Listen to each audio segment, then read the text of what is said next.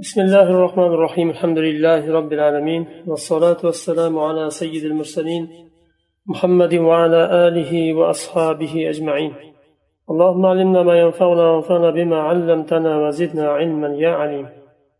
أصول فقه uchinchi faslda to'xtagandik. الفصل الثالث شرائط صحة القياس. uchinchi fasl qiyosni sahih bo'lishlik shartlari يشترط لصحة القياس أن يكون حكم الأصل معلوما بنقل مقبول أو إجماع كالحديثين السابقين في الربا والهرة قياس توغر بولشلigi uchun sahih bo'lishligi uchun shart qilinadi aslni hukmi ma'lum bo'lishligi kerak yo qabul qilinadigan naql bilan ya'ni qur'on va sahih hadis bilan yo ijmo bilan yuqorida o'tgan ikkita hadisga o'xshagan bir ribo va mushuk haqidagi hadislar o'tgan edi shularga o'xshagan ikkinchi sharti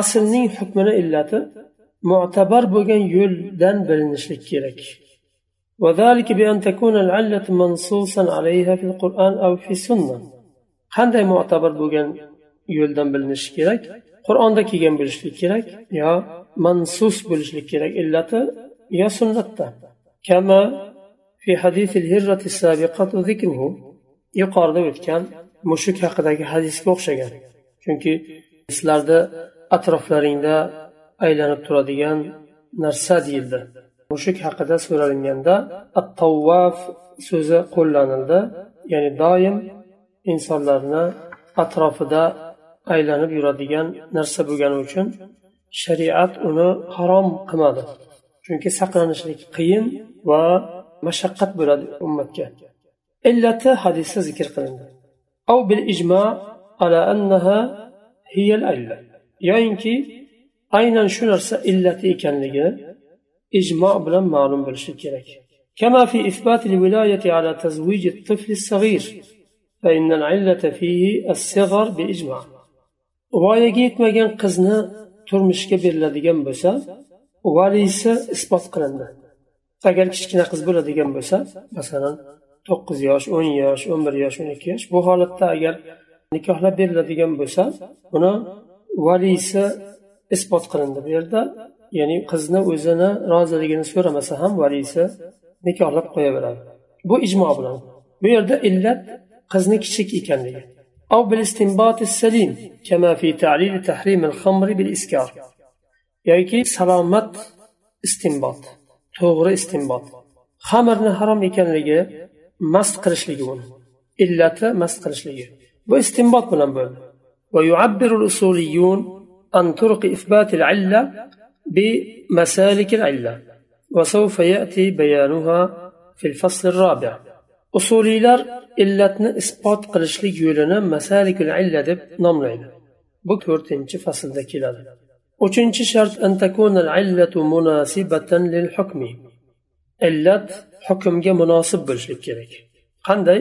Ay an yakuna tashri'ul hukmi li ajliha muhassinan lil maslaha aw dari'an lil mafsada في تقدير أصحاب العقول السليمة واتباع المستقيمة إلا حكم مناسب بولشلك kerak dedik ya'ni hukmni tashri qilishlikdan murod shu bo'lishlik kerak shu illat uchun hukm tashri qilindi deyilishi kerak ya'ni va bir maslahani foydani jalb qilishlik kerak yoyinki mafsadani zararni rad qilishlik kerak.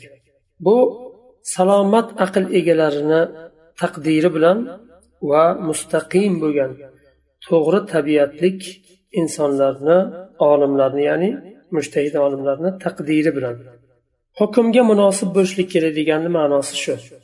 Hukm shu illat uchun tashriq qilindi deyiladi va bir foydani jalb qiladi yoyinki zararni daf qiladi.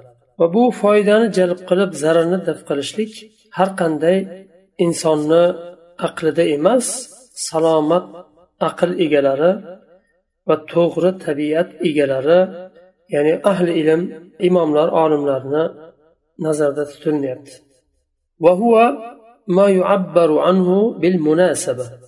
buni usuliylar munosaba deydi فإن كان الوصف طرديا كالسواد والبياض والطول والقصر لم يجوز التعليل به demak sifatni yuqorida aytildi sifatdan murod bu yerda illat nazarda tutilyapti agar shu illat sifati tordiy bo'ladigan bo'lsa tordiy degani hamma nimaga to'g'ri kelaveradigan.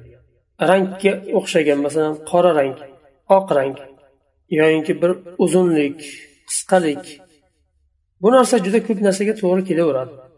Bunday sifatlar tordiy sifat bo'ladigan bo'lsa agar uni ta'lil qilishlik joiz bo'lmaydi. To'rtinchi sharti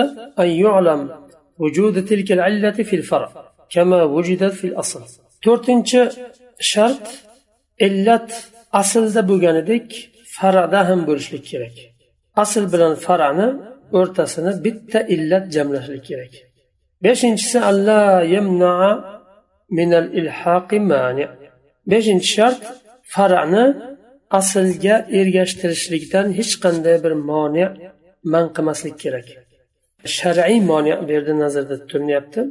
Masalan bir farani aslga ilhoq qilaman desangiz ergashtiraman desangiz yoyinki qiyos qilaman desangiz farani aslga bir shar'iy dalil shu narsani man qilmaslik kerak فلا يقاس على خصائص النبي صلى الله عليه وسلم كزواجه أكثر من أربعة فإن كون ذلك من خصائصه يمنع من قياس غيره عليه ويأتي في الفصل الخامس بيان ما لا يقاس عليه demak rasululloh sollallohu alayhi vasallamning xususiyatlariga ham qiyos qilinmaydi.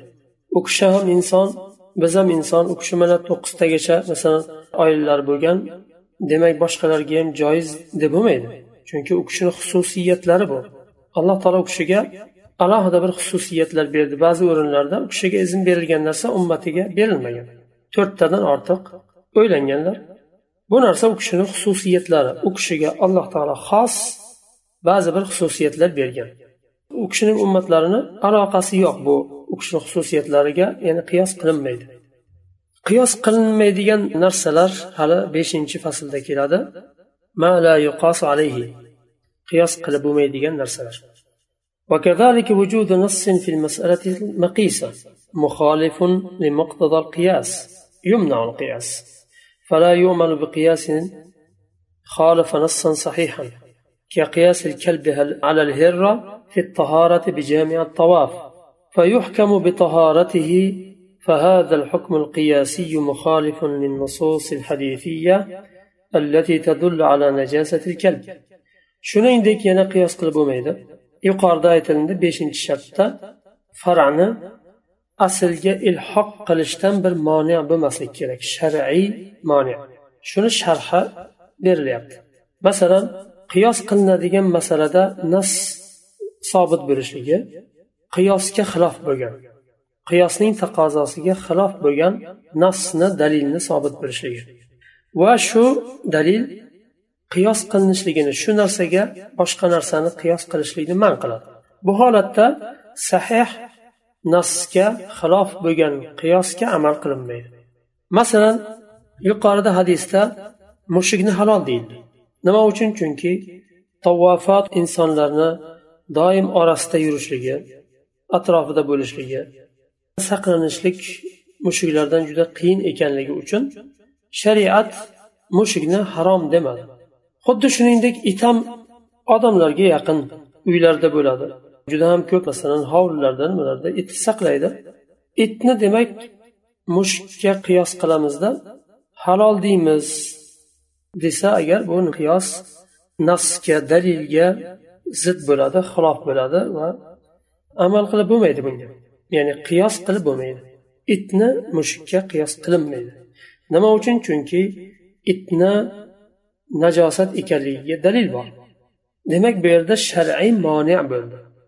Itni mushukka qiyos qilishlikdan ilhoq qilishlikdan shar'iy moni bo'ldi.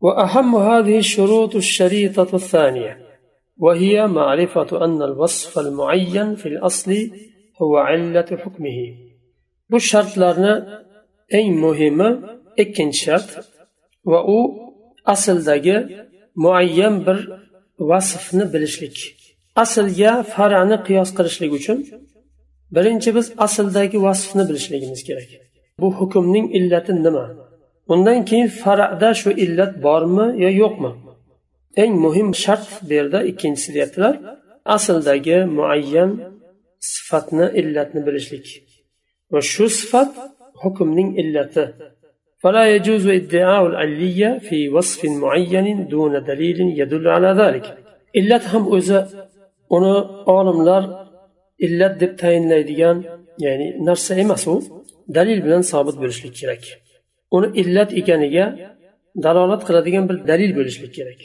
Mana shu illat ekaniga dalolat qiladigan dalilsiz har qanday narsani illat deb davo qilishlik joiz emas. Kelasi darsdan inshaalloh to'rtinchi faslni davom etamiz. Subhanakallohumma bihamdik. Ashhadu an la ilaha illa ant astag'firuka va atubu ilayk.